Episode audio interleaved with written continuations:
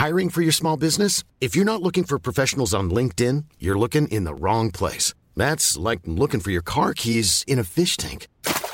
LinkedIn helps you hire professionals you can't find anywhere else, even those who aren't actively searching for a new job but might be open to the perfect role. In a given month, over 70% of LinkedIn users don't even visit other leading job sites. So start looking in the right place. With LinkedIn, you can hire professionals like a professional. Post your free job on linkedin.com slash people today.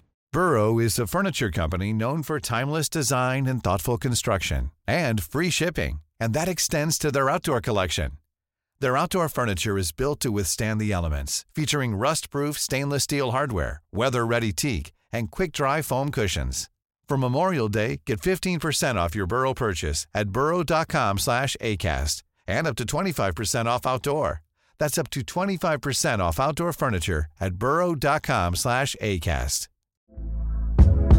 Hey there, it's Michelle Norris. I'm host of a podcast called Your Mama's Kitchen. When I travel, I'm usually looking for a way to find a taste of home when I'm not at home. And one of the things I love to do when I am at home is entertain. And Airbnb allows me to do that. When I was in California recently, I rented a house that had a great kitchen. And when we were sitting around the table, we we're all thinking, we're in someone else's house. Someone could be in all of our homes as well. If you have a home, but you're not always at home, you have an Airbnb. Your home might be worth more than you think. Find out how much at airbnb.com/slash host.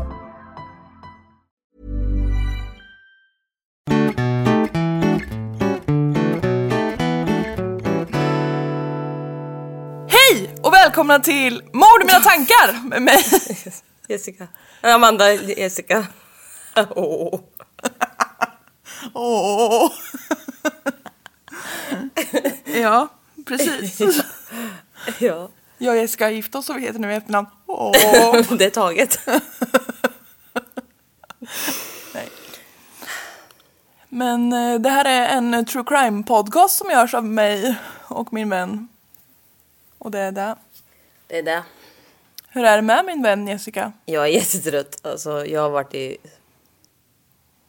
stan I storstan? och handlat. Jag tänkte jordgubb. Så pigg är du. Ja, Jag det menar är julklappar. julgubbar. Alltså, så jävla vidrigt är det. Fan vad jag hatar allt sånt här. Folk tar väl fan något djävulskt. Ja. Fick ju panik. ja. Flera gånger. Usch. Men du åt en god avokadomacka? Ja, fy fan vad god den är alltså. Ja, den är bra. Basilikakräm. Mm. Alltså prata inte med mig om inte du är basilikakräm. Säger bara det. Ja, Då var det ju det här avsnittet vi fick ett abrupt slut. Nej, men... Eh, ja, Ja, nej men va? jag har ju tagit mig... Vatten över huvudet. ja, det med. Men också i kragen. Ja, Jag har ju börjat med att så... jag är ju på avtändning. ja.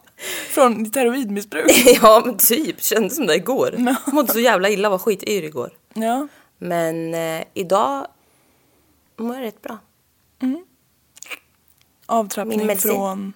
Precis, från... Så, medicin för din... eh, För ditt tillstånd. Det ska jag... Det ska ju bli värre nu då. men hoppas att det... Nej men botten is nådd när man fan inte kan ta sig upp ur sängen förrän 11, halv 12 på dagarna.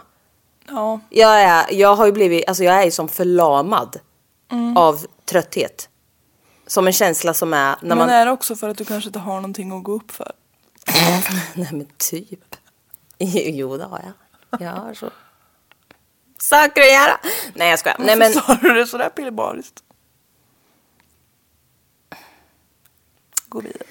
Eh, nej, men eh, jag är ju en morgonpigg person och nu är jag ju en död person. Så att, Är du varken kvällspigg eller morgonpigg? nej, jag vill sova hela tiden. Jag älskar att sova. Nej, men usch. Och jag är ju alltså, helt så, tänker att jag ska se åt min kropp och gå upp och den rör sig inte. Nej, fy fan, det är hemskt. Nej, men det är ju som att vara typ bakfull på bensoliknande preparat. Varje dag. Har du någonsin ätit bensoliknande preparat? Ja. Nej men kör nu. Hur mår du då? Ja, precis. När kommer vi till mig? jo, men jag är lite trött idag. Men du har ju så- varit på fest. Ja, jag är så lite behind drunk. Nej men. alltså, vad är det som sker? Det här är inte högkvalitativt. Nu, det här är content. Nej, men ja, jag var på notariefest igår. Jag var ju dessutom så festarrangör, jag och två till av mina kollegor. Och vi varit hyllade, för de tyckte det var roligt. Ja det var bra, vad kul. Ja, jag hade gjort ett musikquiz och vi lekte lite lekar och sådär, men inte för mycket. Det är en skör balansgång det där. Det kan Ja. bli för mycket. Ja. Vi lekte bland annat sådana goa klassiker som Dansstopp och Hela havet stormar. Oh, oj då. Det är roligt alltså. Icke att... Men jag blir så tävlingsinriktad så jag kastade ju folk omkring mig. Ja men alltså typ. Ja men alltså en gång när jag var hos mina svärföräldrar och vi körde typ dart. Så, och jag lyckades göra, Bullseye. nej men typ. Och så, så vart jag så till mig så jag skrek. Huvudsaken är inte att man har roligt, huvudsaken är att man vinner. De stod bara tysta och tittade på mig. Men det är ju så mycket roligare om man vinner. Ja jag vet. Annars skulle man ju inte leka om ingen vann. Eller annars skulle man ju inte leka lekar där någon kunde vinna om det inte var roligt att vinna. Nej, Exakt. och det är jättekul. Ja. Men eh, ska du göra något mer här eller vad? Nej, jag tänkte att det här får bli ett så avsnitt där det inte blir så mycket mer. Vi hade ju tänkt göra lite roliga grejer idag, men det blev ju inte så. Nej, Men det får bli en annan dag. det kommer att bli. Vi har ju Patreons. Man kan, nej, ja det har vi också. Ja, några få har vi. ja, men man kan, Man kan bli. bli fler. Ja. Och det är ju där vi ska göra content till. Vi har sagt det i så många avsnitt Ja, nu. och oj. Eh, och man kan följa oss på Instagram, Mord i mina tankar, Mord i mina tankar, Jessica Theus, Redlock. Ja, men helst av allt gå in på Patreon. Ja. Pengar är allt. Pengar och att vinna, det är det vi tycker om. Hemska människor. Nu är den här orange. Men det är nya uppdateringen har jag kommit på.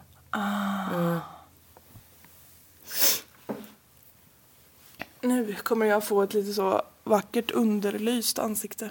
Mm, det är bra. Jag är som vackrast i grodperspektiv.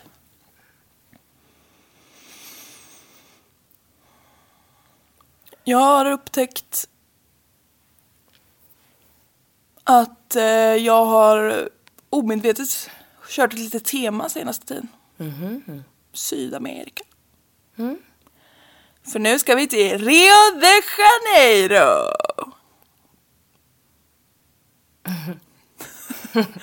Du önskar att du visste vart Vad bra. Ja. En fullkomligt vacker, häftig och otrolig stad i Brasilia. Och där bor det 6,5 miljoner människor. Ja, det är ju stadigt. Det är stadigt och det är ändå inte Brasiliens största stad. Åh fy fan vad stort.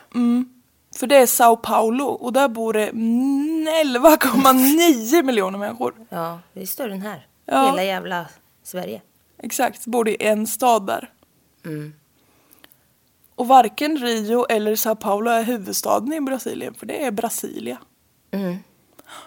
Du vet, jag har varit så fascinerad av det här landet. Ja. I hela Brasilien så bor det 212 miljoner människor. Lyssna på den siffran. 212 miljoner. Det är ju som jättemånga Sverige. Ja. Hur många? Det tänker jag inte säga. Nej, kan du få suga på sig? Ja, 20. Om man räknar att det är 10 typ. Ja, jag varit imponerad. Otroligt. Uffe med. Sveriges yta är cirka 450 000 kvadratmeter. Ganska stort. Brasilien är 8,5 miljoner kvadratmeter. Ja men ursäkta. Brasilien är det femte största landet i ytan och i världen i världen och det sjätte största när det kommer till folkmängd.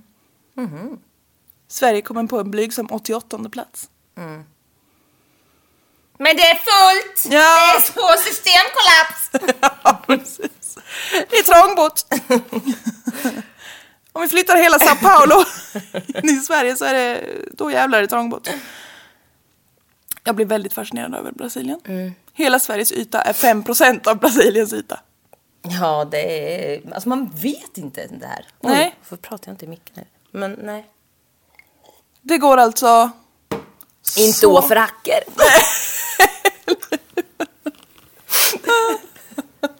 Ett så hackstabilt land. Nej men det är så jävla stort. Ja. Ja, jag ursäktar för att det blev så geografipodden här nu men jag började läsa på lite om Brasilien och jag vart så förundrad. Nog för att Sverige inte är ett jättestort land. Nej. Men Brasilien är, Stort. Sverige är 5 procent. Jag, jag hörde det. Jag säger det igen, Sverige är 5 procent. Ja. Nej, jag är helt mindblown. Ja, ja, jag hör det. Ett otroligt stort land som sagt. Alltså det är faktiskt också så. 5 procent. Det är ju jul om så här typ tre dagar. Nu, Onsdag, torsdag, om två dagar. Torsdag, fredag. Jul. vill du att jag ska säga det? Eller vad då? God jul? Ja men det är fruktansvärt. Ja. Jag sa ju till dig häromdagen att 2019 är nästan slut. Och det är så det känns. Ja, Ja. jag lever kvar i det. Men för att återgå. okej, förlåt. Ja, men vi får inte prata om jul. Nej. Ingen blir gladare för det. Vi, kan, vi får säga det i slutet. Ja, Får vi gratulera. på julklappen. Ja. Ehm, det är i alla fall i Brasilien som så, Rio de Janeiro bestämt som vi kommer att, att tillbringa vår tid nu. Nu har vi en plats. Låt mig ge dig en tid. 1991. Då var det nästan påtänkt gumma. Nej. Nej. Jo, påtänkt kanske det var. Eh, nej, din syster först kanske. Ja, skit i det. Jag ska inte ha någon längre utläggning om år 1991 men jag vill ändå påpeka att de som är födda det året fyller eller har fyllt 30. Gammalt. Ja. Gubben i rummet bredvid. ja. Grabben i graven bredvid. Jo då. Rio de Janeiro 1991. Det här är en väldigt farlig stad att vara fattig i.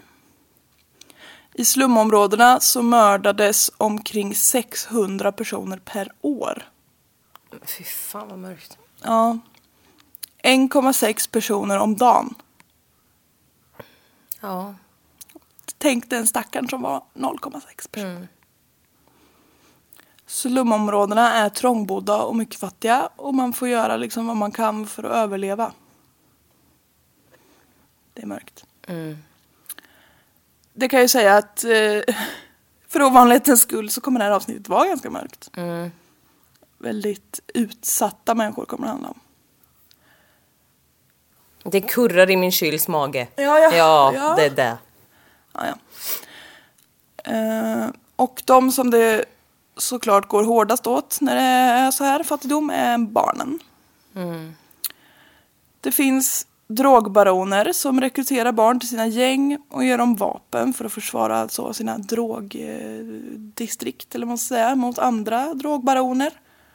Och eh, ja, som vill ta över. De vill ju ha varandras marker, säljmarker.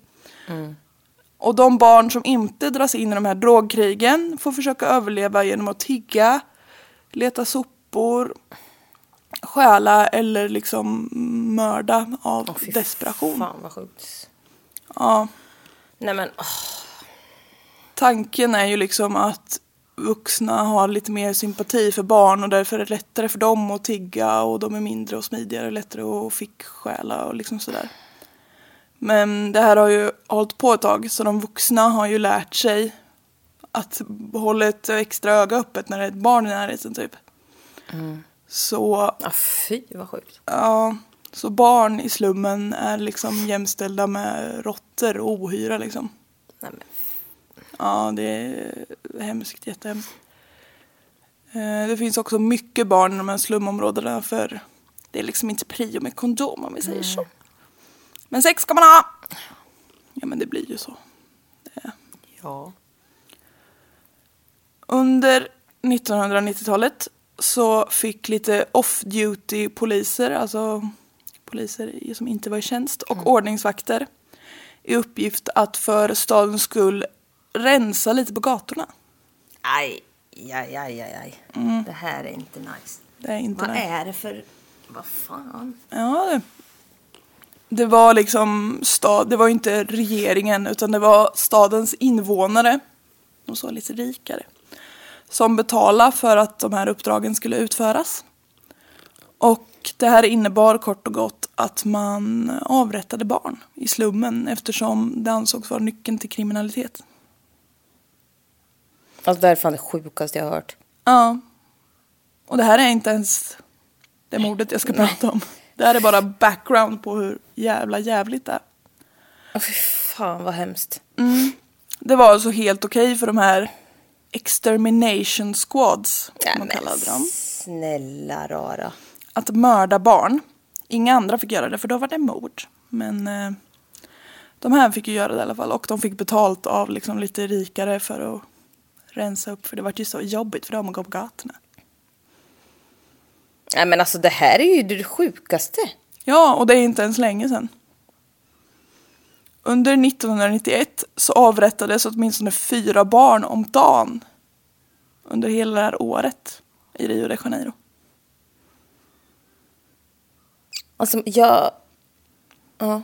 Nej jag vet inte vad jag säger om det här. Nej, det är Det är ju, man lever ju i en jävla privilegium förnekelse här. Bara. Ja, ja verkligen. Jag har inte en aning om Nej. detta. Men eh, den här liksom miljön, eller man ska säga, är ju såklart idyllisk för en seriemördare. Wow, wow, wow.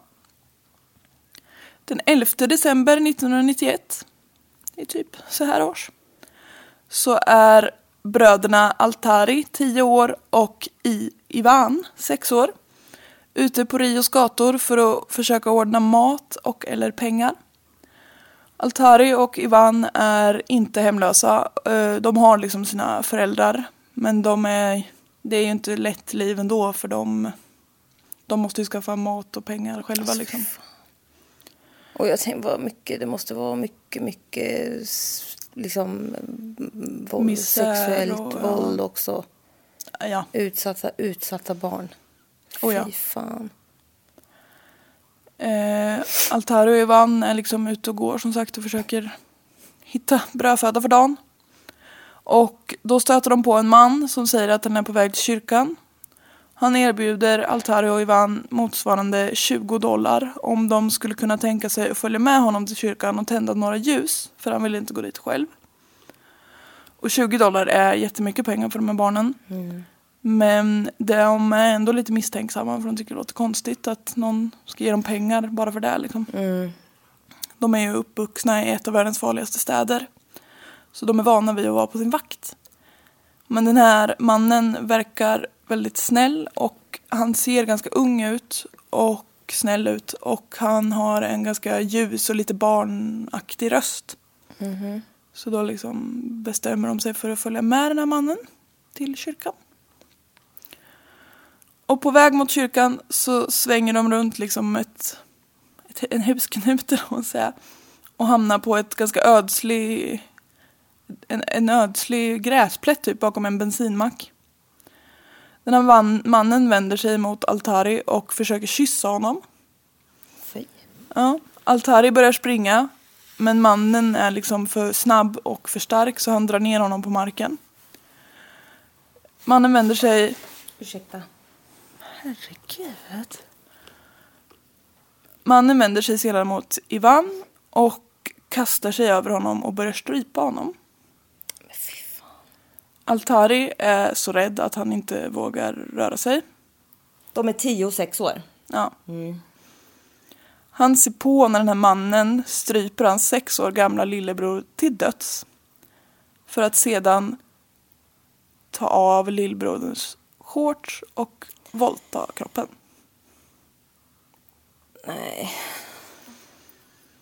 Fan, Sex år gammal. Ja, det är otroligt mörkt. När mannen reser sig upp igen. Ja, jag vet, det går aldrig att säga det på ett bra sätt. Nej. När han är klar. Usch. så kommer han mot Altari med liksom öppna armar. Som om han vill ge honom en kram. Altari är fortfarande livrädd och vågar inte röra sig. Mannen kramar Altari och säger att han precis skickat hans bror till himlen. Ja men. Så tror jag inte det går till. Nej, inte riktigt. Mannen frågar sedan Altari om han vill spendera natten med honom. Nej tack, det är bra. Altari är ju för rädd för att säga emot. För han har ju liksom sett vad den här mannen kan få för sig. Så de liksom slår sig till ro på den där lilla gräsplatten. Nej. För den här mannen har väl inget hem kanske. Och då liksom ligger han. Nej fy fan alltså det här är ju. Ja. Även Altari blir utsatt för övergrepp den här natten. Morgonen därpå så ska mannen tillbaka in till Rio för att jobba. De har ju liksom gått lite utanför nu. Eller han ska längre in i sin centrum i alla fall. Han behöver ta ma- Nej. Han behöver ta sig till en juvelshop och hämta broschyrer för han arbetar med att dela ut sådana till turister på gatorna. Altari följer med, livrädd för att göra annat. Mannen frågar Altari om de ska börja så leva tillsammans. Va? Ja, men de ska bli så ett par, vill han. Altari svarar ja, absolut. Ja. I brist på annat än överlevnadsinstinkt. Ja exakt. När mannen går in i den här juvelshoppen för att få sina bro- broschyrer så lägger Altari benen på ryggen, så att säga. Ja. och flyr. Och de är ju liksom i en helt annan del av Rio än Altari känner igen nu. Så det tar tid för honom att hitta hem. Oh, fy fan vad rädd han är alltså. Ja, lilla vännen. Men till slut så hittar han hem till sin mamma och sina fem andra syskon. De har många ta hand om. Och det här är också så, så mörkt. Han vågar inte berätta för sin mamma vad som har hänt med Ivan, eller Ivan eftersom han är rädd för att hon ska slå honom.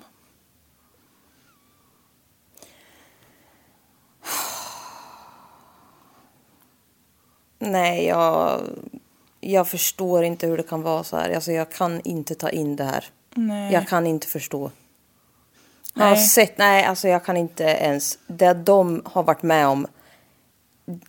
Alltså, på, alltså de, har, de är ju knappt människor än. Nej, verkligen så. Så har de sett saker som liksom ingen människa någonsin ska behöva hantera. Det är fan för mörkt. Och så känner han ändå att han inte kan Nej. få stöd från sin mamma. Från den vuxna. Nej alltså. Han berättar dock för sin syster som övertygar om, honom om att de måste berätta för mamman. Och när mamman, Celia de Aberu, får reda på vad som har hänt så kontaktar hon polisen. Och efter beskrivningar från Altari så hittar polisen Ivans kropp några timmar senare. Det ligger liksom små portioner av mat vid den här kroppen. Och hans händer är nedstoppade i fickorna på shortsen. Så det är liksom väldigt tydligt att mördaren har varit tillbaka på den här platsen. Gud vad märkligt. Ja. Altari kunde leda polisen till liksom den här juvelshoppen eh, mannen arbetade på och peka ut honom. Så polisen griper den här mannen dagen efter att Altari har flytt från honom. Och det var den 13 december 91. Den här mannen heter Marcelo Costa de Andrade. Och Ivan är inte det enda barnet som han har skickat till himlen.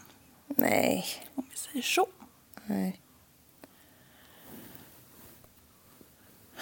Marcelo Costa de Andrade föddes den 2 januari 1967. Han är alltså vid tiden för sitt gripande 24 år gammal. Ja, oj. Man tänkte sig ju att han, ja visst han såg ung ut och så, men fan 24, han är inte. Nej. Nej. Marcello växer upp i slummen i Niterói, Niterói som är en stadsdel i Rio om jag förstått allting rätt. Eh, och precis som för alla andra fattiga i slummen här så eh, har inte han haft ett alls bra liv. Fram till att han är fem år så bor han med sin mamma och pappa. Men när han fyller fem så skickar mamman iväg honom för att bo med sina morföräldrar. Mormor och morfar är inte de mysigaste och gulligaste i staden. Marcello blir slagen och sparkad på dagligen som en del av uppfostran. Det börjar bra. När Marcello sedan fyller 10 så bestämmer sig hans mamma för att han ska få flytta hem till henne igen. Hon jobbar i så femårsperioder. Okej, ja. Marcello känner liksom knappt igen sin mamma eftersom han var ju så liten när han flyttade därifrån och eh, det har liksom gått ett helt av hans liv sedan dess. Ja, gud vad konstigt. Ja. Men han har ju inte så mycket till val. Hans mamma har skaffat en ny man och de har fått barn ihop. Marcello blir slagen av den här styvpappan och när han då är tio år gammal så börjar han bli utsatt för sexuella övergrepp av den här styvpappan. Nej, Det är ju fan alltså. Ja. Nivån av skit här känner jag. ja, och vi har bara börjat gräva. Ja. Man, eh, vi kan säga så här att den här eh, Marcello han har ju inte fått en chans en gång Nej, till ett bra liv. nej. Sen är inte det en förmildrande omständighet men eh, det säger ju ändå en del. Ja, precis. Det är ingen ursäkt men det är ju fan en förklaring ändå. Ja, exakt. Marcello ska när han börjat på någon så internatskola för unga pojkar som var någon form av blandning mellan skola och barnhem. Och eh, där hade han det inte så bra heller för han var liksom mobbad av de andra barnen för att han var liksom ja, men han var lite långsam. Han, han lärde sig inte lika snabbt som alla andra. Så då vart han mobbad också. Och på internatskolan så fick man bara vara tills man var 14 år. Så han var ju där i fyra år alltså och Marcello blev utskickad. Och då flyttade han till sin pappa och hans nya fru. Och för att få ihop pengar till mat så började Marcello sälja sex. För det var, det var det som gick typ. När Marcello var 16 år så inom stora situation, citationstecken så inledde han en relation inom ännu större citationstecken med en man i 40-årsåldern. Jättebra. Marcello flyttade in hos den här mannen och bodde där och eh, de liksom båda två sa att de var ihop. Men eh, Marcello fortsatte att sälja sex för att få pengar. Och det finns liksom inget så uttalat att det här ska ha varit någon pimp eller så men eh, någon form av eh, väldigt ojämlik relation har det ju varit i vart fall. Ja, verkligen. Säkerligen med något form av utnyttjande med i bilden. Marcello är tillsammans med den här mannen, eller vad man nu ska kalla det. Tills han är typ, de är ihop ganska länge ändå. Eller ihop ska man inte säga att de är. De är, de är med varandra. I, eh, Han är under den här mannens våld. Ja, så kan man säga. I... Jag har inte skrivit hur många år, men fram tills att han är typ 22. Ett par år. Typ så, ett par år. Sex år. Och eh, jag vet inte varför, men han blir i alla fall utkastad av den här mannen sen. Eller om han valde att gå själv, det vet jag inget om. Det står utkastad, men han fortsatte inte att träffa den här mannen i alla fall. Och han flyttar då hem till sin mamma igen och den här styvpappan som har våldtagit honom sedan han var tio år gammal. Marcello har en yngre halvbror hemma hos den här mamman som nu är tio år. Marcello blir helt besatt av den här lillebrorsan. Och en gång när lillebror grät så på något sätt, jag vet inte hur, så spelar Marcello in det här ljudet. De har väl någon liten så gammal device. Och han lyssnade jämt på den här inspelningen. När Oj, lillebror grät, ja. Han liksom hade den i örat hela tiden och så mös lite grann. Men gud vad obehagligt. Ja extremt. Och det här liksom sjuka beteendet eskalerade och när det här är ju då samtidigt som man är i the abusive relationship. Men när Marcello är 17 i alla fall så och lillebror då var 10 så försökte Marcello våldta lillebror. Och det fanns, jag lyssnade på någon podd så här om att det var hans liksom så sätt att visa kärlek. Han trodde att eftersom han själv hade blivit våldtagen när han var så ung så var det hans sätt att visa kärlek. Typ, och man bara... Nej, fast när han blev våldtagen tror jag nog inte han tänkte det här är av kärlek. Nej, jag tänker det med. Nej. Och jag tror inte heller att han tänkte att nu visar jag den, min lillebror kärlek. Jag tror inte det var det heller riktigt. inte. Nej. Jag tror inte på det. Nej. Som vi då har hört, det har ju inte ens varit nästan lätt i hans liv.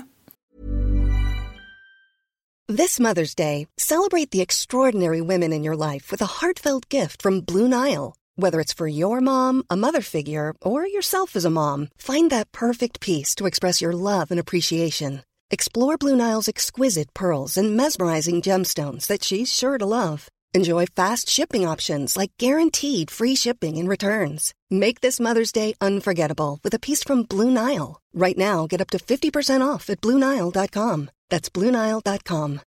Since 2013, Bombas has donated over 100 million socks, underwear, and t shirts to those facing homelessness. If we counted those on air, this ad would last over 1,157 days. But if we counted the time it takes to make a donation possible, it would take just a few clicks. Because every time you make a purchase, Bombas donates an item to someone who needs it. Go to bombas.com slash ACAST and use code ACAST for 20% off your first purchase. That's bombas.com slash ACAST, code ACAST. Och det är ungefär här som han eh, börjar göra livet jävligare eh, slash kortare för andra. Han börjar då i, när han är eh, ja, men 23-24 där så börjar han gå till kyrkan med sin mamma mycket mer regelbundet än tidigare. I kyrkan så fanns det en präst som Marcello gillade väldigt mycket och så lyssnade frenetiskt på. Och Under en sån predikan så sa den här prästen att barn som dör innan de fyller 13 alltid kommer till himlen. Nej, aj, aj. Och Marcello tog ju det så lite väl bokstavligt. Men... Ja, okej. Mm. Prästen menade väl typ så att barn kommer alltid till himlen för de är oskuldsfulla och har inte hunnit begå så mycket dumt. Nej. Men så dagen man fyller 13, då jävlar. Men ja. Han, Marcelo själv har sagt att det som startade det hela var när han träffade en 14-årig transpojke på gatan. Den här pojken erbjöd Marcello att köpa sex av honom och det ville Marcello. Han var ju då som sagt 24 då. Nej, 23-24, någonstans där. Och de gick tillsammans till ett motell och hade samlag. Mer eller mindre så samtycke till det. Marcello tyckte att pojken var otroligt vacker och ville träffa honom igen. Men eh, för den här pojken var ju Marcello ingenting. Bara någonting för att få liksom pengar för att överleva. Så de träffades inte mer. Och då menar Marcello att det här startade en lust inom honom för unga pojkar. Han hade ju tidigare försökt våldta sin lillebror men det var tydligen inget så lusttecken hos honom. Nej. Nej, det var ju kärlek. Ja, ja, precis. Hans första offer var en pojke i tioårsåldern som han lurade med sig genom att erbjuda honom pengar och godis. Classic offer har han redan, känner jag. Ja, hans första mordoffer Ja, ska jag ja. säga. Det är väldigt sant. När han kom, eller när de kom till en avskild plats så våldtog Marcello den här pojken och ströp honom till döds med pojkens skjorta. Han tog med sig pojkens shorts som en liten souvenir. Marcello återvände till den döda kroppen tre gånger för att se om någon liksom upptäckte den. Och vid samtliga de här tillfällena så våldtog han liket. Och vid det sista tillfäll- tillfället så tog han med sig offrets tänder. Åh. Gud vilken sjuk person det här är. Ja. Ja. Jag tycker Nej, ibland alltså, att det är lite tveksamt att göra sådana här grejer när det är någon som är så uppenbart psykiskt sjuk. Mm. För eh, då blir det inte riktigt, alltså han är ju som sagt sjuk men det är ändå så jävla jävligt så man måste prata om det med. Mm. Sen efter Ja, jag här- förstår vad du menar. Man vill ju typ bara vara arg Ja, på någon. Ja, precis. Om det är någon som gör det bara för att de är en rövig idiotperson, då kan man, vara arg. Man vill ju typ, ja. Men någon som är sjuk och inte har en aning om vad man håller på med i olika mått. ja det, man tycker ju liksom, det är ju också synd om den här personen. Ja, det är jättesynd om honom. Och han har, som vi sa tidigare, aldrig fått en chans till ett bra liv. Nej. Men det är ju, det är, ja. Det är som, som du sa, det är ingen ursäkt men det är lite av en förklaring kanske. Och hade, hade, för det här är ju mer samhällets fel än den här enskilda personens fel. När det är någon som är liksom riktigt psykiskt sjuk. Då är det ju samhället som inte har kunnat hjälpa honom. Mm. Och föräldrarna som har förstört honom. Ja. Men efter det Och där... morföräldrar och allt vad det var. Ja, ja, ja. Alla, alla vuxna i hela hans liv känns det lite som. Fan vad hemskt. Ja. Men efter det här första mordet så var Marcello igång. Han skulle följa ungefär samma så modus operandi under en åtta månader lång killing spree. Där han våldtog och mördade 13 pojkar. I åldrarna 6 till 13 år. Det är ändå ganska många på åtta månader. Ja, verkligen. Det är mer än en i månaden. Gud vad hemskt. Ja.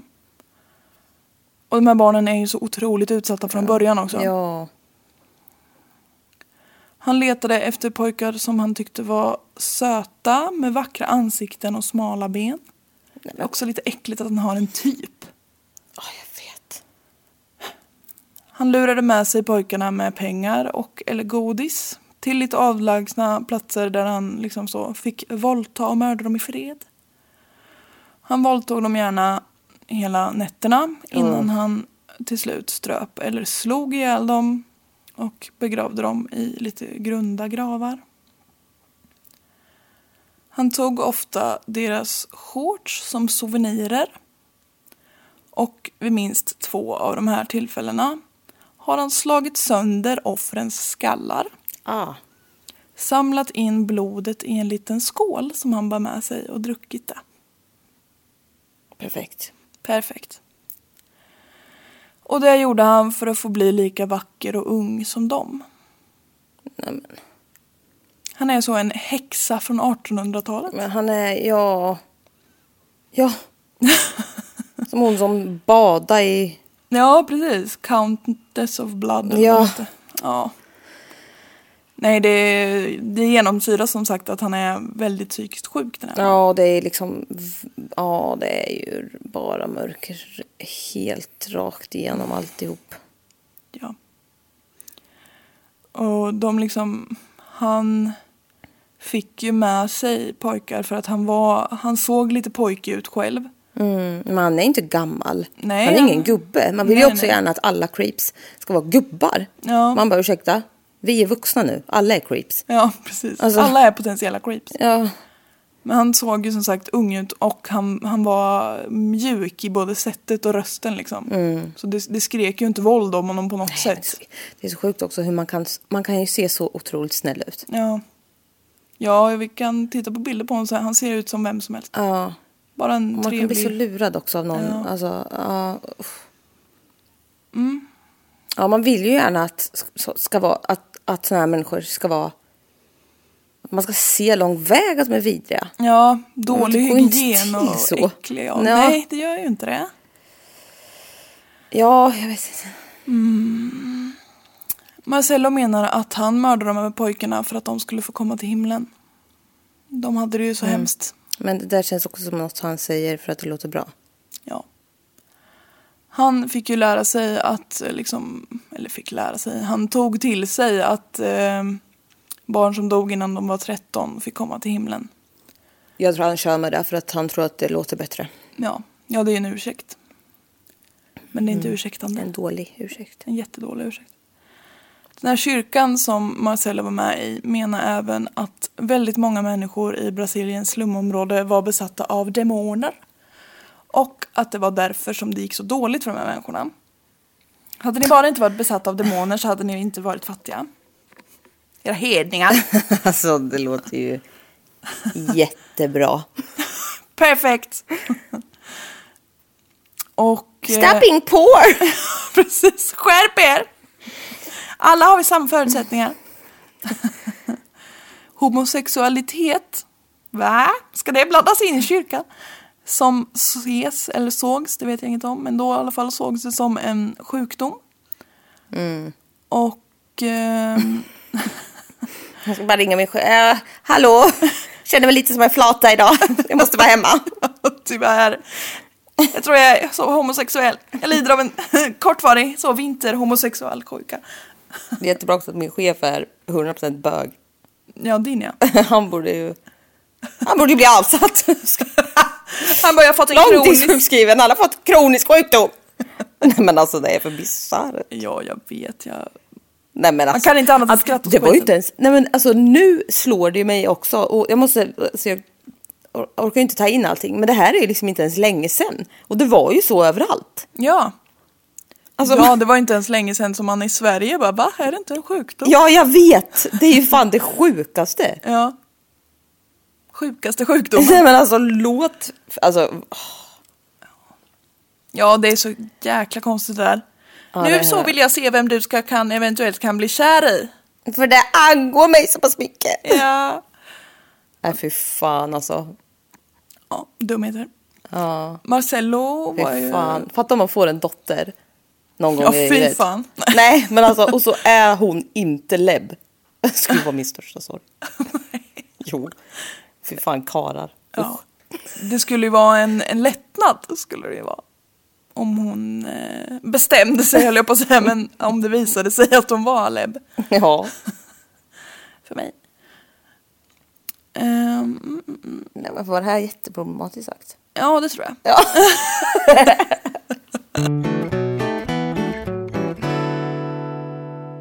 Och ja, men homosexualitet var ju väldigt så tydligt tecken på att man var besatt av en demon. Låter också så himla medeltida. Man Jag bara, vet. har ni växt upp? Jag Ja, vet. inte på så bra ställen. Nej det har de verkligen inte gjort. Under en sten hade ju varit rena rama Ja. sjustjärnigt hotell på Dubai. Men eftersom då Marcello var intresserad av pojkar så var ju han helt övertygad om att han var besatt av demoner som ville ha barn och dricka deras blod. Det var därför han betedde sig så här. Det var inte han, han var på fest. Han var på fest, på zest. Nej alltså gud vad sjukt. Kan man, kan man alltså. Tillbaka till storyn. Eller storyn, ja. Marcello valde att ge sig på pojkar menar han eftersom de var sötare än flickor. Och dessutom så var det inte säkert att flickorna kom till himlen bara för att de dog. För så Va? var det, ja, men så var det i kyrkan. De, pojkar kom alltid till himlen om de dog. Flickor kunde hålla på med he- hedonism tidigare. Flickebarn är inte lika oskyldiga som pojkbarn. Nej jag hörde. Ja. Så det var därför han valde pojkarna. Och då har jag skrivit att patriarkatet är bara dåligt för tjejer, eller hur var det? Ja precis. Men, eh, och ni som inte förstår det, googla. Nej. Efter att ha våldtagit och mördat ett av sina offer så gick Marcello hem till sin mamma och frågade om han fick låna hennes mass... Ma, ma, ma, Mandelmassa gris. mandelmassa. Kastanjemä! Kastanjemän. Han gick hem till sin mamma och frågade om han fick låna hennes kastanjemän. Kastanjemä! Obehaglig du är. Jag vet. Nej. Den var bra by the way. Serien ja. Fantastisk. Netflix. Nu ska vi ha provision. Ja, Han gick hem till sin mamma och... Förlåt. Ja, det, det vi har gör- fått också konstruktiv kritik som jag jättegärna tar till mig. Att vi avbryter varandra för mycket. Ja, Ja. men ibland kan det vara skönt tror jag. Jag Speciellt när också det är så här mörka Men jag avsnitt. förstår ändå Ja, vad som sägs. av mig. Nej, Nej det förstår jag sällan. Av människor som slidar in i vår DM. Ja, ja, ja. Nej. Jag förstår inte ett ord vad du säger. Nej, det gör knappt jag själv. Nu får jag prata till Ja. ja. Efter att ha våldtagit och mördat ett av sina offer så gick Marcello hem till sin mamma och frågade om han fick låna hennes machete.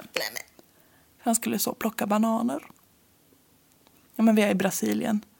Då Ja, kan det var man... inte där jag... Ursäkta, prata inte mycket. Det var inte där jag reagerade på. Nej, vad bra. Va, men varför behöver man en machete när man plockar bananer? Ja, man, det är ju... Skär av hela klasen. Ja. Du ser, du kan så mycket mer än vad du tror. Fan. Du behöver lite bättre självförtroende. Du är ju fan... ja, jag säger inget mer. Det var inte plocka bananer han skulle ha den här macheten till. Utan han använde den för att hugga huvudet av offret. Och varför gjorde han det? Jo, För att tömma och ta med sig och dricka. nej, faktiskt Nej. inte. Det hade man kunnat trott. Men det är ännu konstigare. Han har sagt att han gjorde det för att de andra barnen i himlen skulle skratta åt den här pojken för att han skulle komma dit utan huvud. Och det skulle ju se så lustigt ut. Men vänta, förlåt. Varför, skulle de, varför lät han inte huvudet ha kvar då? Vem skulle gå ut? Vadå? Ja, men han tyckte att det var lite kul att den här pojken skulle bli mobbad i himlen för att han inte hade något huvud. Ja, det var roligt tyckte han. Ja. Det var så litet, lite prank. Practical joke! Exakt. Nej, vilken jävla idiot. Ja. Och också bara, jag ser till att de kommer till himlen. Fast utan huvud. Vad god du är. Ja, eller hur? Alltså, den här människan är så sjuk. Ja. När så polisen grep Marcello så erkänner han först bara mordet på den här sexåriga Ivan som jag pratade om i början. Som eh, vars storebror fick stå och titta på. Han berättar också att det var han då, vilket man då förstod, som hade gått och lämnat mat hos Ivan och hade stoppat ner hans händer i fickorna för att eh, inte råttorna skulle äta upp hans fingrar. Det tyckte han var synd. Jag vet inte vad jag ska säga om det. Nej, jag vet, jag vet faktiskt inte heller riktigt. Nej. Polisen tog sen in Marcellos mamma på förhör och hon berättade då den, om den gången då han lånade macheten och att det var liksom blodfläckar när hon fick tillbaka den. För det, det brydde han sig inte om att tvätta. Nej, och inte hon heller speciellt mycket då. Nej, inte tillräckligt mycket. Det kan man ju absolut tycka. Jag vet inte vad. Jag antar väl att hon tänkte att det var något djur han hade gett sig på. Jag vet inte vad. Ja, jag tycker nog ändå det är anmärkningsvärt. Ja. Det måste jag säga. På alla håll. Och att, att hon ändå liksom kan tänka så här. Jaha, han kommer ju ändå tillbaka men ja, det är rimligt att han har mördat ett barn. Det är mörkt. Jag tänker att om de tog in min mamma på förhör så skulle inte hon kunna tänka sig att jag hade mördat ett barn. Nej, kunde hon tänka sig det här då? Ja, är det det ja, du säger? Ja, Ja, ja, det var ju sjukt faktiskt. ja. ja. Till slut i alla fall så erkänner Marcello morden på 13 pojkar och han kan även leda poliserna till deras små gravar. Men de andra då hade de alltså det känns också som så här. Det känns också så himla att det är inte säkert att det är någon, alltså det är så trasiga människor allihop här och familjer och allting. Alla, det bara strör runt Ja, barn. ja, säkert flera som är föräldralösa. Ja, jag menar det. Och ingen liksom riktigt... Och det är, ju, alltså det är ju därför han kan hålla på med. För det är ju samtidigt den här massavrättningen av barn. Alltså det som där. myndigheten håller på med. Så att det försvann barn var inte något, det var inte så himla konstigt. Det som liksom gjorde att de tog honom var ju bara att han, han Altari, den brodern, sprang hem och sa att det här är ju någon annan som har mördat. Annars hade det, det var, försvann väl barn lite titt som tätt. Det var, ja, det var ju tråkigt, typ. Jag kom inte hem idag. Ja, det är riktigt hemskt. Och det, det, det känns så himla hemskt att vi som inte har egna barn tycker att det här känns riktigt jäkla tungt. Jag kan tänka mig, och vi kan ju inte ens sätta oss in hälften. Ja, nu ni som har barn, må dåligt för guds skull. Marcello döms för 13 mord till eh, rättspsykiatrisk vård. Där han stannar tills han är safe att släppa ut. Aldrig alltså. Ungefär så. Det görs en ny prövning av hans tillstånd varje år och till denna dag så sitter han där han sitter. Han är ju alltså idag 54 år gammal. Suttit inne i 30 år. Det är en bit. Till en början så gillar han, för det här vart ju jättestort i eh, brasiliansk media. Och det gillar han. Han eh, såg sig själv lite så som en Hollywoodstjärna. Nej men gud, alltså jag har så... Alltså jag... Ja men det är ju vidrigt. Och han, ville liksom, han krävde ganska höga summor pengar för att ställa upp på intervjuer. En journalist begärde han 10 000 dollar ifrån. Oj då. Jag tror inte att han fick det men han har ju ändå stake och Men alltså, det här var- blir så jävla äckligt också. Ja, Att de det- ska, alltså... Det var ju också någon gång, jag tror det var du som berättade om någon som bara... Då var det någon av, tjej som hade överlevt Ja. som berättade sin historia. Hon fick jättemycket, liksom kunde leva på det och, och hon så. Mm.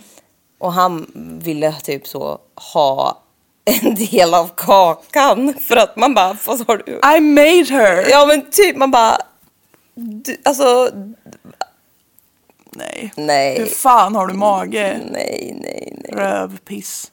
Ja, det jävla rövpiss är vad du är. Ja. Nu på senare tid så har dock hans popularitet dalat. Ja, skönt. Ja. Och så nu pratar han glatt med vem som än vill höra.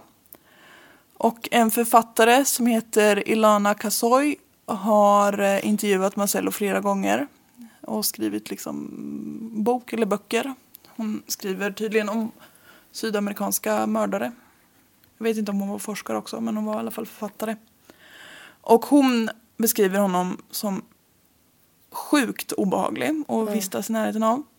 För han framstår liksom som helt normal och eh, man kan inte, han kan, man kan inte förstå att han har gjort det när han, man pratar med honom. Och när man börjar prata om de här grejerna så är det så tydligt att han inte förstår att det är fel. Det han har gjort. Fortfarande. Nej. Hon beskriver honom som en varg i fårakläder. Och han är bara ledsen över de här morden för att det har ställt till det för honom i hans liv. Att han liksom inte går fri på gatorna. Fast på ett sätt tycker jag på ett sätt är det där väldigt skönt. För då är man så fast då, du är ju så pass väck här nu. Så Ja. vi ser ju vad som för sig går. Ja, Det är ju värre med de som är jätte... Alltså, vi diskuterade något fall här om alltså, men det är ju svenskt så det kan vi kanske inte prata om. Men alltså, någon som liksom... Bara, nej vadå? Ja, alltså att de är helt i förnekelse. De, ersätter, de vet inte ens att de har, alltså... ja de vet inte ens om att de har gjort det typ. Ja. Ja. Så att det blir som bara- en blixt från klar himmel. Ja, och man bara okej, men hur ska vi, alltså... Ja, nej, det här är, det är uppenbart att han är farlig för de som vet att han är farlig. Ja, Men han ser ju inte farlig ut. nej. Så det är ju oerhört viktigt att han inte får komma ut. Hon beskriver Jag att... minns inte vad det var jag skulle komma med någonting. Nej, men det Nej. gör du sällan. vidare. Hon beskriver att han liksom lutar sig på att han har gjort de här pojkarna en tjänst och sänt dem till himmelen. Utan huvud. Ja, lite så. Practical joke. Och att han liksom har guidat av sin religion och han har varit besatt av allting och bla bla. Men hon säger att han är inte religiös. Nej, han är, han är ju helt jävla... Ja, det är ju bara som du sa, någonting han säger för att det Ja. känns bättre för honom. Ja. Då tror han att det är lite mer socialt accepterat Ja. det han gör. Hon har även beskrivit att hon ofta liksom måste eh, typ ligga till sängs flera dagar efter att hon har pratat med Marcello. För att det är så psykiskt ansträngande att vistas med honom. för att han är liksom så disturbing som människa på något sätt. Och jag kan ändå tänka mig om man pratar med en sån riktig för han är ju både någon form av psykopat och jättepsykiskt sjuk. Så jag kan tänka mig att det är... Han kan ju liksom sitta, hon har sagt det, han kan ju liksom sitta och berätta om grova detaljer som om han sitter och han berättar om när han åt glass förra veckan typ. Jättefascinerad över sånt där. Jag hade älskat att sitta och prata om det.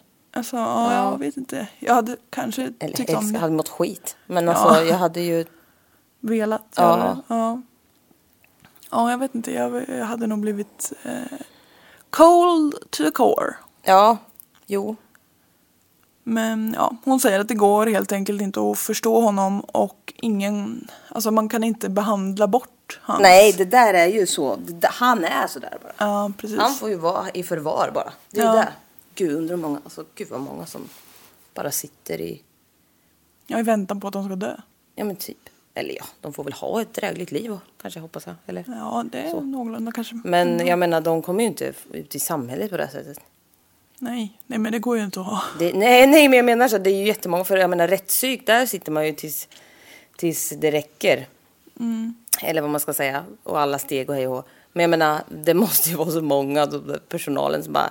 Ja, nej men den här jäveln har vi här tills han dör. Ja. Här är en så långtids...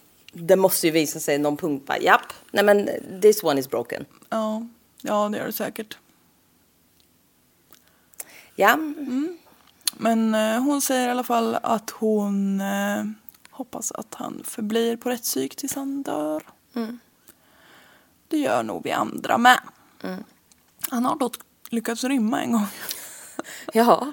Och då för att någon vakt glömde att stänga en dörr. Man bara, det får inte hända. nej. Nej, och det känns ju också som att de kanske inte har, alltså, är det, ja, nej, har de de där slum, alltså, ser det ut så där, där, Ja. så kanske det inte är världens bästa, Nej, men han sitter ju i Rio de Janeiro. Han sitter ju i ett riktigt rättspsyk. Han sitter ju liksom inte i ett fattigt rättspsyk. eller vad man ska säga. nej, För Rio har ju som alla städer fina delar också liksom. Som funkar. Så om jag fattar det rätt så är väl inte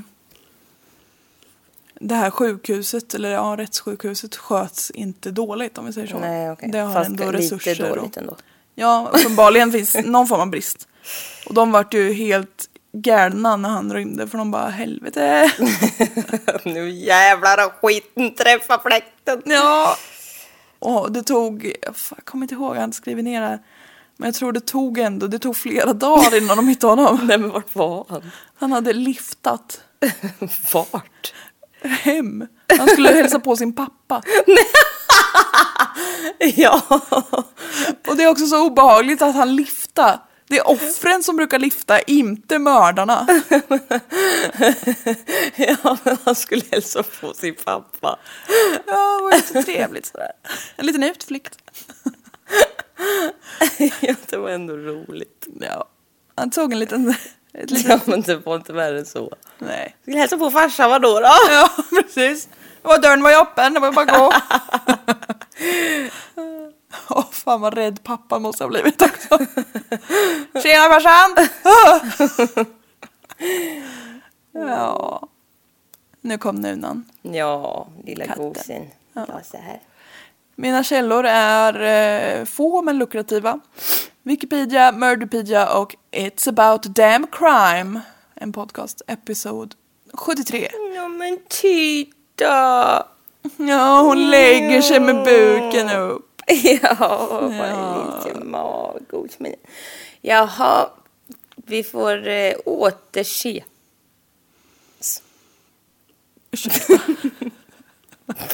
Vad vill du ha sagt? Vi får återses Ja, vi får ses åter. en annan gång. Ja. God jul på er människor. God jul. Ät inte julskinka för då hamnar ni i helvetet. Och om ni ändå gör det, använd inte glutenfritt ströbröd.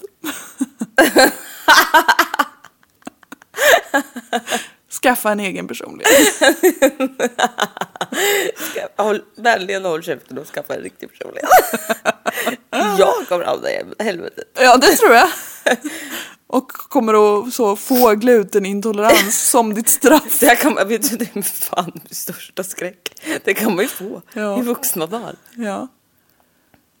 Och ändå förnekar du dess existens. Ja, Och det är ju ett, ett problem hos dig. jag hade ju bara ätit ändå. Och dött. Du hade bara livets goda, underbart men kort. Ja, det tar fan inte ifrån mig. Bre. Grekiskt lantbröd. Med smör och veganost. Nu är det bra. Hej då! Hej då!